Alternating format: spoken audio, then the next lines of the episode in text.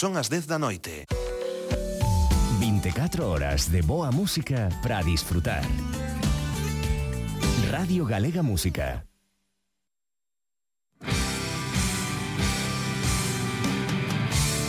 Cara B con Manuel de Lorenzo.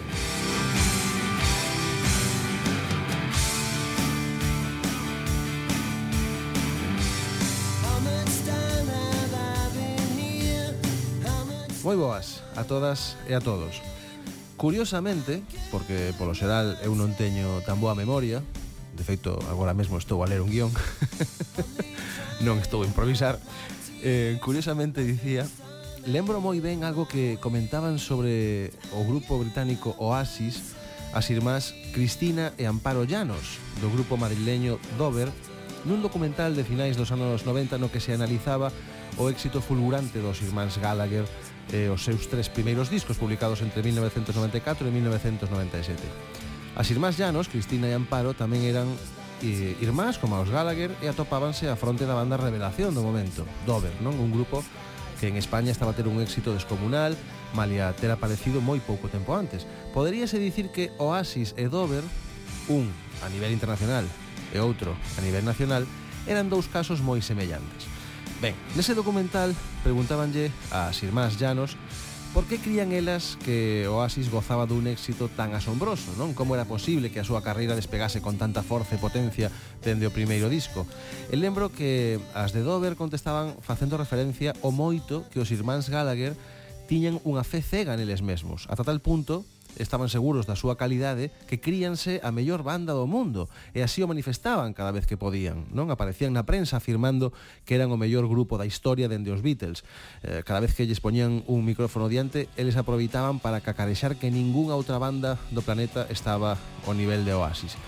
E comentaba a continuación unha das irmás Llanos, non lembro se era Cristina ou Amparo, aínda que creo que foi Cristina a cantante, ela dicía E a forza de repetir que son os mellores, moita xente rematou crendo que efectivamente non hai nada mellor que Oasis.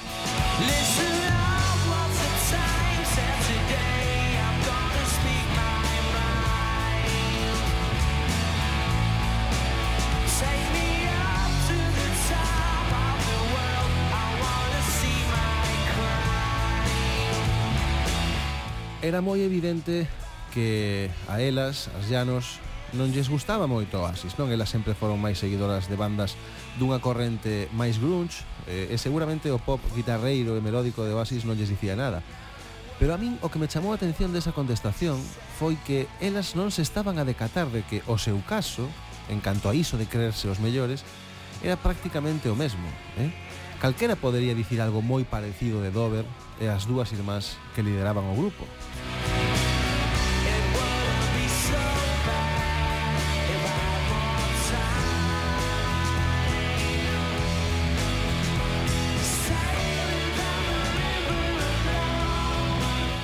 ese efecto do que falaban elas dúas é coñecido como efecto Pigmalión, é dicir, a base de creer unha persoa nalgo, o feito de ter unha fe absoluta nese algo, pode acabar condicionando as circunstancias para que ese algo aconteza, ¿m? como lle sucedeu o propio Pigmalión na mitoloxía grega, cando a estatua Galatea adquiriu vida porque o rei Pigmalión así o anhelaba, non?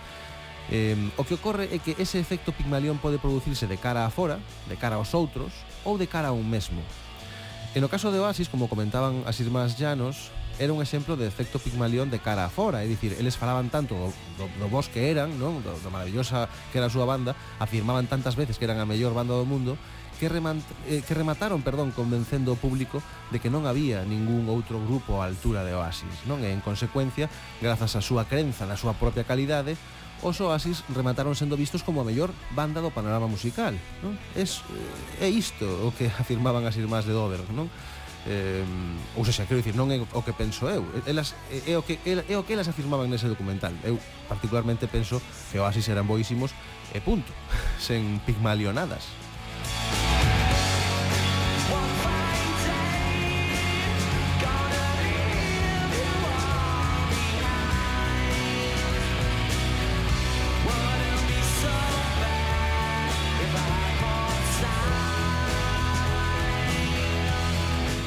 Pero o curioso aquí é que eh, Dover acontecía o mesmo, non? Iso mesmo do que acusaban a Oasis nese documental era o que lle sucedía a eles, o mesmo efecto Pygmalion, só que neste caso producíase cara adentro. Dover, vale ser unha banda de rock, de rock poderoso, eléctrico e contundente, non cumprían co estereotipo de grupo de rock. Non eran rebeldes, non eran altivos, non caían nos excesos, non bebían non se drogaban, non se metían en problemas, non encaixaban co paradigma de grupo de rock. Eh, por non ter non tiñan nin sequera mm, unha gran aura, non ou un gran carisma como banda ou como músicos. Había rock and roll na súa música, claro, pero non había rock and roll no seu modo de vida. E a mí iso dame igual, eh? especialmente a miña idade, eh? porque o que me gusta a min dos grupos é a súa música e non a imaxe que proxectan. Pero nos anos 90 era moi raro que un grupo que non tivese algo de rebelde ou mesmo de atormentado, era moi raro que lle gustase a rapazada, non? Era moi complicado que arrastrasen a miles e miles de fans soamente pola música. E sen embargo, o caso de Dover é unha excepción. Eles chegaron o máis altos en representar o papel de típico grupo de rock Mm, foi soamente pola música, a pesar de que eh, calquera executivo dunha discográfica daquela época podería botarlles en cara que carecían de actitude, non? Que era algo imprescindible nos anos 90 no mundo da música, e se me apurades en calquera ámbito, mm, mesmo na rúa.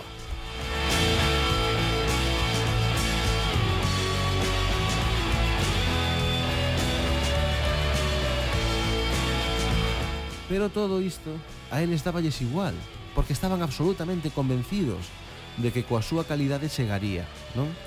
Tiñan unha fe cega neles mesmos, nas súas cancións, no seu talento, ata o punto de que estaban convencidos de que non precisaban nada máis, de que se non tiñen un magnetismo irresistible como rockstars, non? Como por exemplo si que o tiña Liam Gallagher, eh, non importaba. Eles ian chegar ao máis alto porque eles eran os mellores. E foi tal a súa convicción, especialmente a das dúas irmás Llanos, que funcionou eh, foi unha autoprofecía cumprida, un claro exemplo de efecto Pigmalión. Os Dover alcanzaron o cume porque os Dover estaban seguros de que alcanzarían o cume.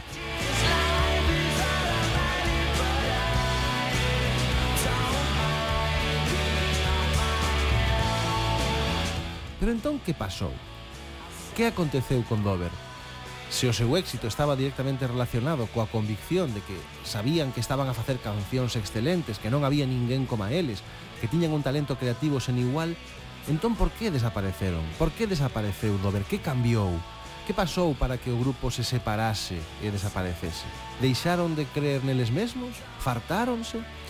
O certo é que, eh, curiosamente, nas causas da desaparición de Dover tivo moito que ver precisamente esa idea súa de que fixesen o que fixesen a cousa ia funcionar, eh?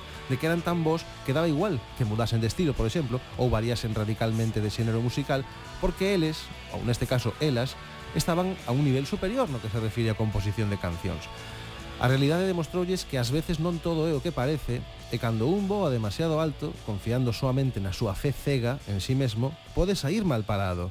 Por seguir con, con esta analogía da mitoloxía grega, se os inicios de Dover asemellanse ao mito de Pigmalión, o seu final é moi parecido ao mito de Ícaro, a quen se lle derreteron as ás por voar demasiado preto do sol. Pero hai algo máis. Sucede que, ademais desa erosión provocada polo fracaso, ou mellor dito, pola colisión entre a realidade e as expectativas, houbo outro gran motivo polo que os Dover se separaron e deixaron de publicar discos. É certo que se deron outras moitas causas para a súa disolución, eh? como por exemplo a difícil relación entre as irmás Llanos e o batería, Jesús Antúnez, todos eles fundadores do grupo, pero ademais houbo un motivo aínda máis serio e ten moito que ver co estado de ánimo de Cristina, da cantante, da compositora, da líder. Eh, un motivo que ten moito que ver coa fatiga, ten moito que ver coa desmotivación e ten moito que ver coa falta de ilusión. E de todo isto é do que imos falar no episodio de hoxe. As causas que motivaron a ruptura de Dover serán o noso tema central neste espazo, chamado, como sabedes, Cara B, no que adoitamos botar unha ollada a parte de atrás da historia da música o que non se coñece o que sucedeu entre bambolinas na historia do rock e o pop, cousa que facemos sempre na mentre se escoitamos as mellores cancións relacionadas co relato que estamos a contar. Así que hoxe, para comezar, penso que non habería ningunha outra posibilidade coherente que non fose abrir o programa con Dover. Quedade con nós porque o episodio de hoxe promete, pero antes toca facer as correspondentes presentacións. Por un lado, quen vos fala, Manuel de Lorenzo. E polo outro, a señorita Loli Jackson, de Dover. Thank you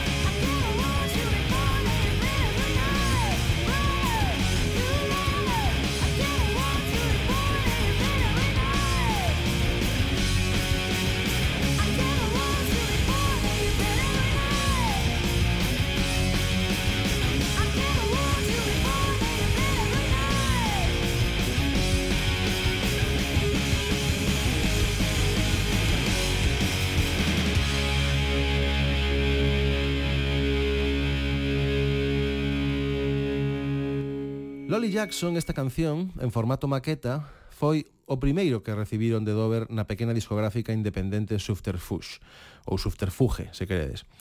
Nese selo, eh, formado por un par de persoas nunha diminuta oficina en Chueca, que ata aquel momento, cuns oito anos de vida, solamente publicara algúns traballos de certa repercusión comercial, non moita, como por exemplo o primeiro álbum de Australian Blonde, Pizza Pop, onde se atopaba o tema Chup Chup, Nese selo estaba a dicir, eh, sabían da existencia de Dover porque estes formaban parte do circuito underground de Madrid, non?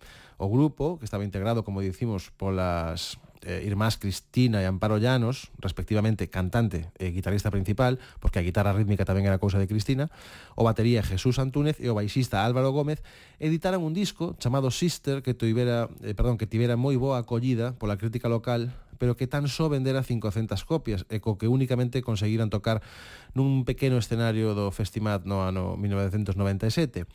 Pero un día, Antúnez, o batería, chamou a Subterfuge Records e díxolles que tiñan material novo e que era boísimo, non? Eles, como comentaba antes, estaban seguros de que non había ningunha banda eh, como Dover, como eles mesmos facendo cancións.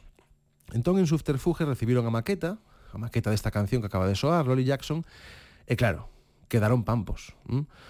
a, eh, resultou que Dobre eran boísimos, non? Malia que eh, en Subterfuge estaban a piques de publicar un recopilatorio titulado Stereo Party, os do selo decidiron incluir nese disco o tema Lolly Jackson a última hora, e ademais abrindo o disco, non? E gustou tanto que decidiron fichar inmediatamente a Dover. E por suposto a banda dixo que sí, entraron a gravar nos estudios Infinity en Madrid co produtor Dani Alcover eh, cun presuposto de 80.000 pesetas en tan só 20 días, a comezos do ano 1997 xa estaba listo o disco Devil Came to Me.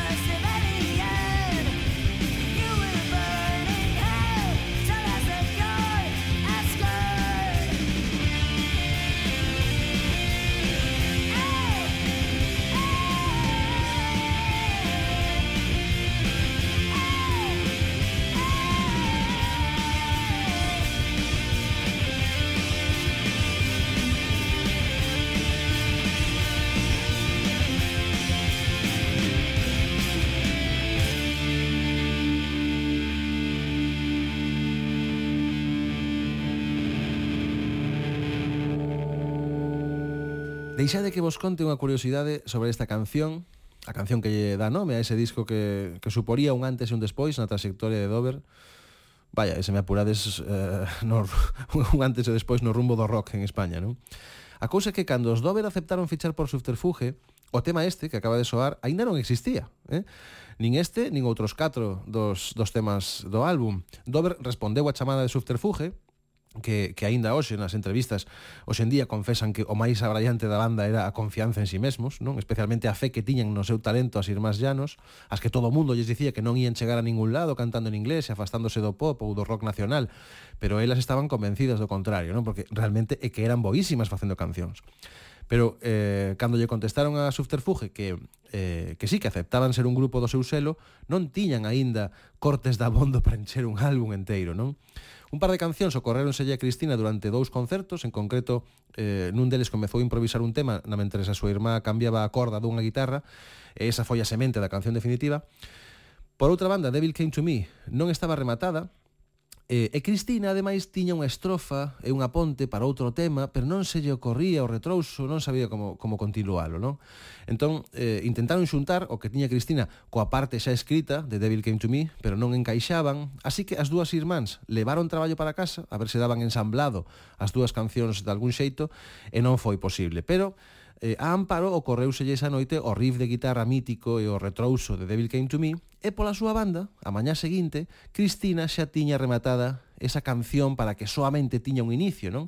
Escribira un retrouso, unira o, o que ela xa tiña de antes, e todo xunto resultou ser o himno Serenade.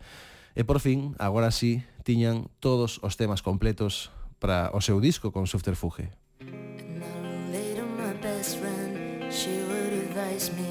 She broke her coat and she put on her jacket Scared because she's really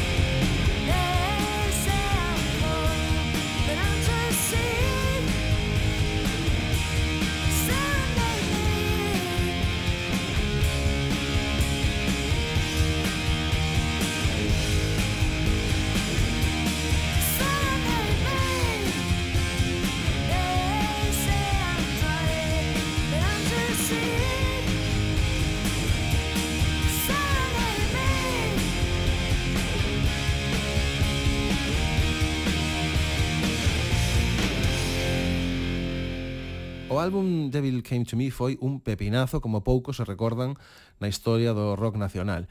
Eh, o retrouso da canción que lle dá título ao disco apareceu nun anuncio dunha bebida moi popular entón entre a xuventude e a partir de aí eh, a loucura, non?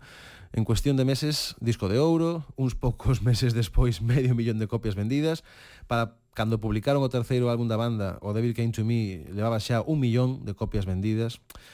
Eh, regresaron ao Festimad nesa primavera de 1997, tan só 10 días despois de publicar o seu disco, eh, e o que se convertería no seu representante despois de velos actuar esa tarde, Carlos Mariño, contaba hai un tempo para unha entrevista do diario El País o seguinte. A que se montou non o volvín vivir. Era un grupo novo que acababa de sacar un disco, co primeiro acorde a xente comezou a facer unha onda de cabezas saltando, 5.000 persoas brincando ás 7 da tarde, mozos metidos nun lago que había por ali e subidos ás árbores, 45 minutos así. Eu estaba nun lateral do escenario e pensei, isto é moi forte. Claro, é complicado non ter unha fe absoluta en ti mesmo cando acontece algo así, non? E, e por iso as irmás Llanos eh, comezaron a voar alto, moi alto. Demasiado alto, mellor, deixaron subterfuge, fundaron a súa propia discográfica xunto con Jesús, o batería da banda, un selo chamado Lolly Jackson Records, e marcharon a Estados Unidos a gravar o seu seguinte álbum, Late at Night, con Barrett Jones, eh, produtor entre outras bandas de Nirvana, e regresaron cunha canción como emblema do seu novo disco que en canto foi publicada aterrou directamente no número 1. Un. ¿Mm? Unha canción de rock que entraba directamente no número 1 das listas de vendas. É algo que non pasaba en España cunha banda de rock nacional dende, non sei, nunca? Esa canción era DJ. DJ.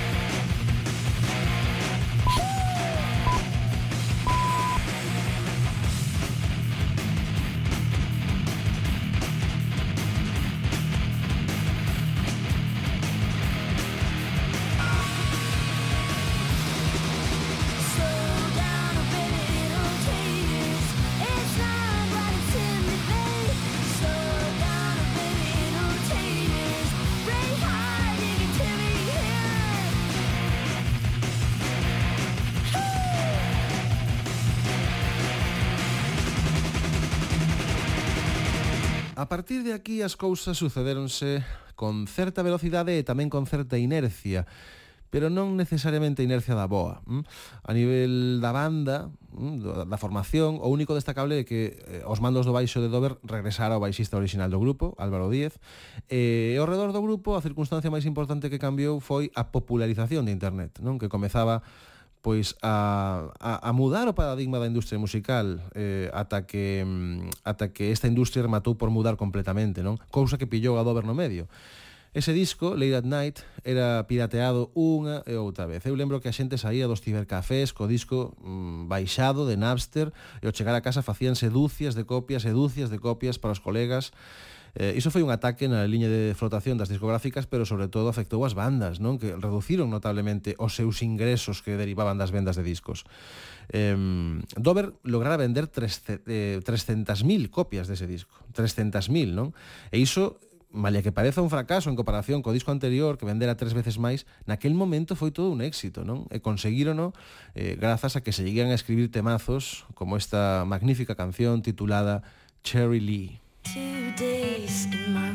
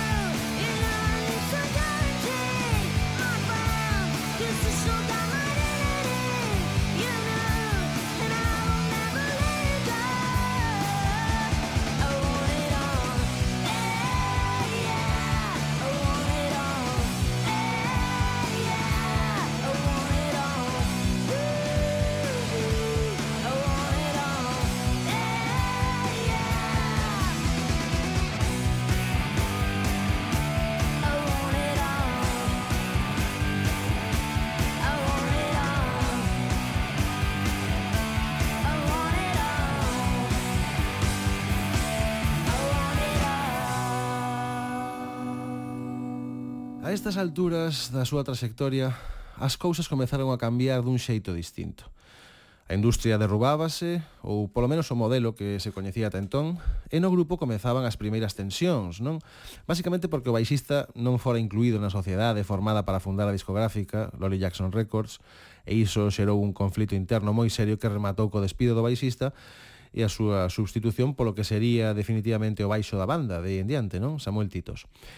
Pero non só cambiaban cousas na formación e no ecosistema musical. Tamén estaban a acontecer cousas na cabeza de Cristina Llanos. A pequena do grupo, a cantante, a compositora, a alma da banda, non? A que colocara un anuncio uns anos antes para formar un grupo, a que chamara por teléfono a Radio 3 con tan só 15 anos para tocar dende a súa casa, se lle deixaban unha canción de Nirvana coa guitarra acústica ao outro lado do teléfono, non?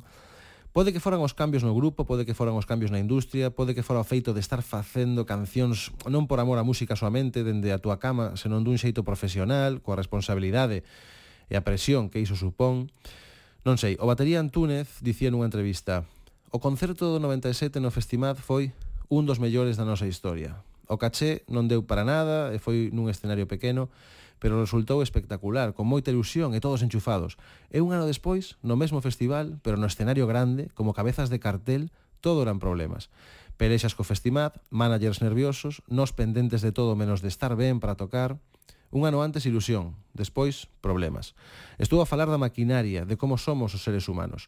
Un día estás a pelexar por sair a tocar con toda a ilusión e o ano seguinte, cando tes o bastón de mando e todo o poder, xa todo eran tensións. Pode que fora iso, quen sabe, pero o certo é que algo cambiou na cabeza de Cristina. Eh, comezou a perder ilusión. O seu seguinte disco titulouse I Was Dead for Seven Weeks in the City of Angels, ou sexa, estive morta durante sete semanas na cidade dos Anxos, refírese aos Ángeles, claro, e, e dá unha idea, non, este título Mm, de como foi ali o proceso de grabación dese álbum no que a pesar de todo atopábanse pezas excelentes como esta King George. Get down and slip it up. You don't have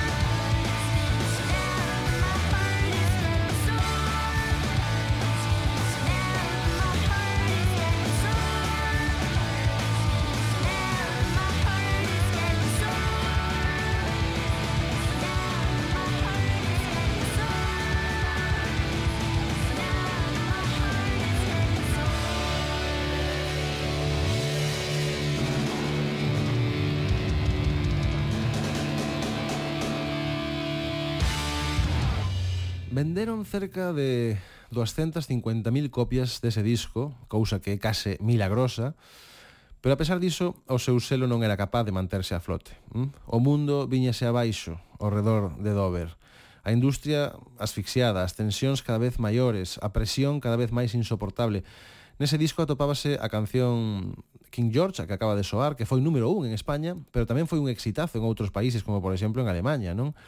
E, sen embargo, non era dabondo. Os Dover víronse obrigados a abandonar a aventura independente para fichar por unha discográfica das grandes, das potentes, das que tiñan cartos para resistir o tsunami digital ata que as augas se calmasen de novo. Ficharon, polo tanto, por EMI, gravaron en Madrid e non en Estados Unidos, cun produtor de Iki e non cunha estrela, reduciron custos, adaptáronse, fixeron un bo disco, pero a industria xa boquexaba, agonizante, e nada era suficiente para volver ás cifras de apenas uns anos antes. Ese quinto disco de Flame vendeu apenas 60.000 copias, pero non era porque Dover non gustara, non ou ou non era porque as cousas foronlle mal ao grupo, era que todo estaba a fundirse naquel mar encolerizado. E aí foi cando as irmás Llanos tomaron unha decisión arriscada, moi arriscada. Eh, de novo con Daniel Cover, os mandos da produción, eh, como co disco Devil Came to Me, cambiaron de estilo.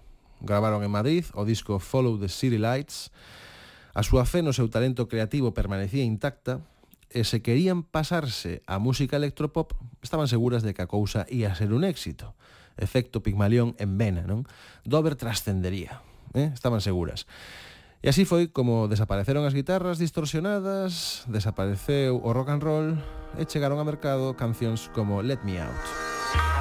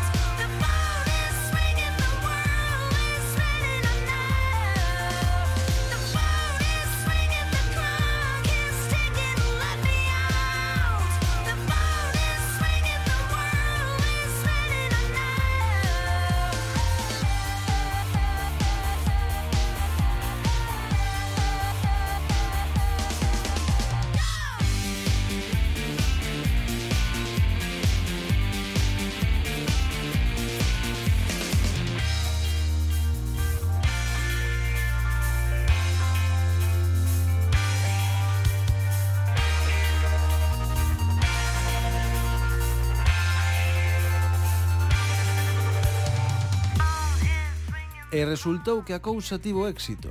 Mm, funcionou. Dover, no medio e medio da tormenta do mercado musical, que, que, que estaba a afogar sen remedio, eh, lograban vender 130.000 copias do disco Follow the City Lights. Mm, o álbum entraba no número 1 directamente e permanecía ali varias semanas, o mesmo que acontecía con esta canción que acabamos de escoitar, Let Me Out, número 1 tamén. Ou seja, o gran público encantáballe. Aquel ritmo bailable, aquel son electrónico, aquel ambiente dance das cancións, que por certo foron comparadas co que estaba a facer naquela época Madonna, non? Que viña de publicar o disco Confessions on a Dance Floor, onde se topaba a canción Hang Up, construída sobre un sample de ABBA. Dover mm, estaba a adaptarse aos novos tempos, ás novas correntes, tan só unha década despois do Devil Came to Me, por certo, non? E iso gustoulle a xente, a xente que poñía a radio e escoitaba as súas cancións, gustoulle o público en xeral, gustoulle a xente que merca discos para regalar, a xente que ten posta a emisora musical no seu negocio, gustoulle a audiencia. Mm? Eh, pero os que non lles gustou nada o cambio de rumbo no estilo de Dover, os que se sentiron traizoados foron os seus fans, o seu público, os que ían e enchían os seus concertos, os que agardaban por unha dose máis de rock and roll e grunge no novo disco e atopáronse con isto. Mm? Os que facían da banda o que era. Dover comezou a gustarlle a xente que nin sequera escoitaran a Dover ata ese momento. Xente que durante unha semana ia ter Let Me Out como a súa canción favorita, pero que a semana seguinte xe en estar eh, enamorados da seguinte canción que estivese de moda na radio. Xente que non ia ir velos tocar os festivais porque non era público de festivais Claro, agora a música eh, no ano en que estamos é algo máis democratizado, non? Eh, en un festival podes atopar de todo, pero a comezos do século aínda había un gran hermetismo entre estilos e sobre todo entre o público o que lle gustaba eses estilos. E a xente que desfrutaba co estilo electropop de Dover quería escoitalos nas discotecas, pero non os ia ver tocar se saían de xira. Mm? E eu estou convencido de que iso é algo eh, co que as irmás Llanos, a pesar da súa confianza en si sí mesmas, non contaron cando se pasaron a facer música para bailar.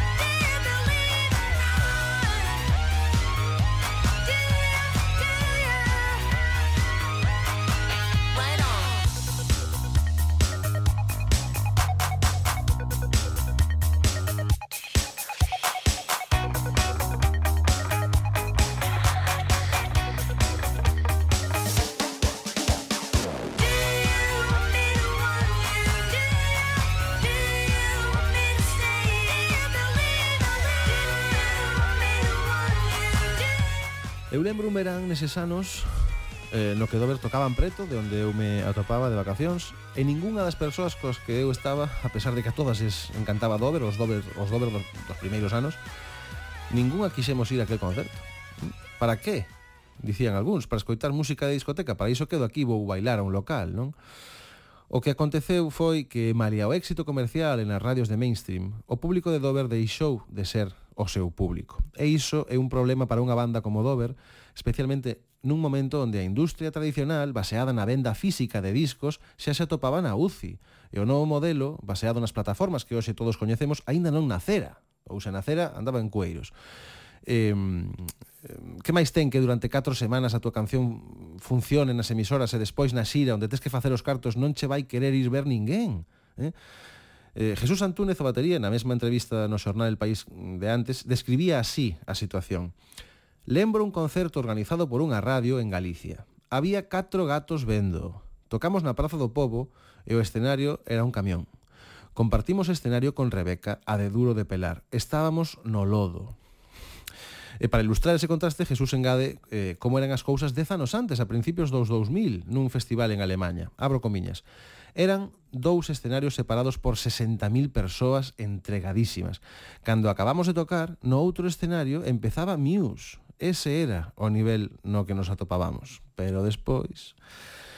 E todo tivo que ver eh, precisamente co álbum que publicaron a continuación do Follow the City Lights, un disco de inspiración africana titulado Ikakene, que foi un absoluto desastre comercial, porque por moito que un pense que é capaz de triunfar, faga o que faga, a realidade ás veces é moito máis obstinada. Mm? E a realidade decidiu que cancións como esta, da Nayá, non lle gustaban.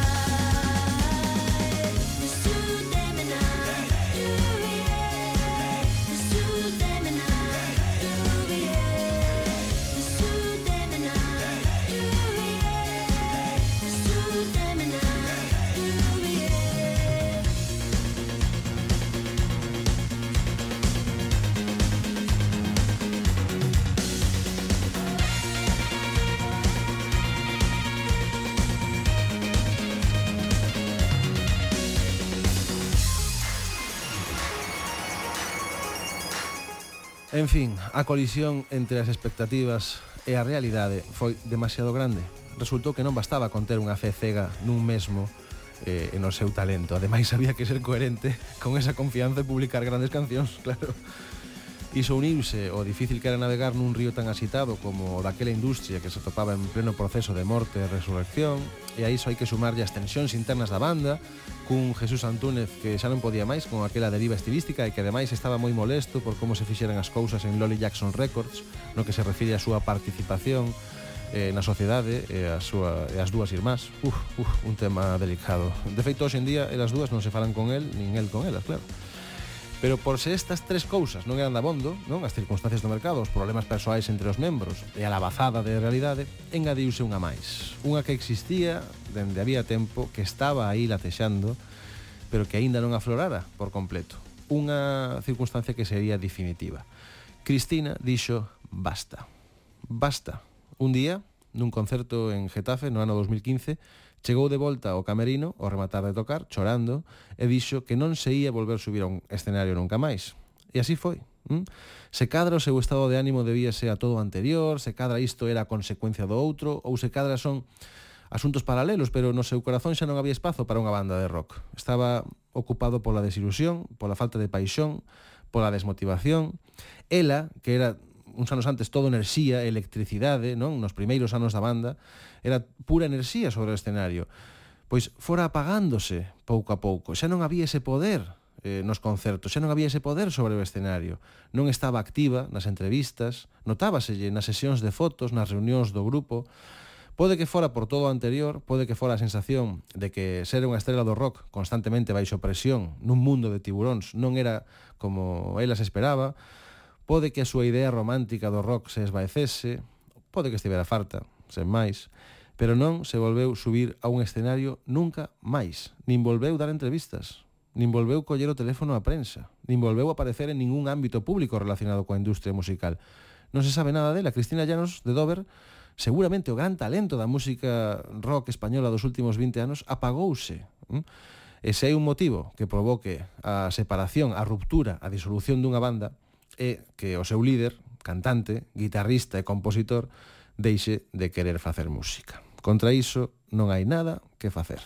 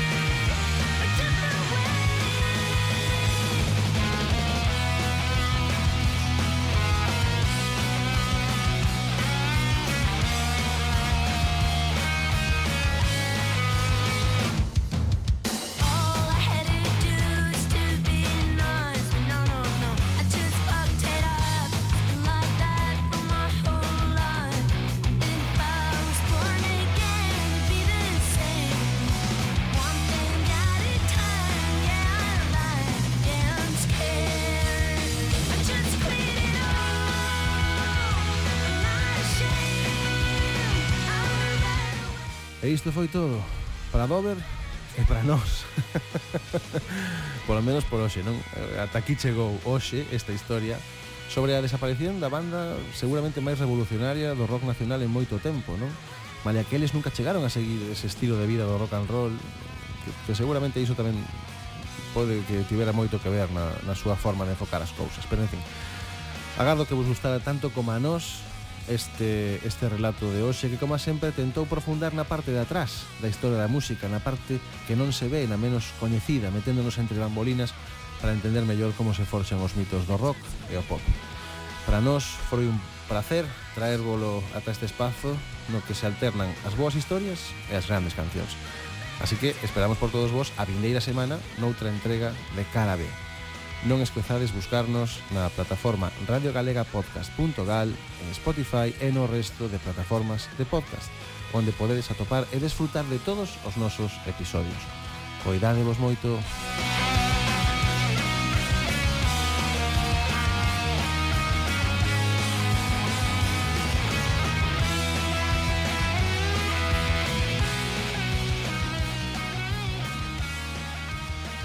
Cara B con Manuel de Lorenzo.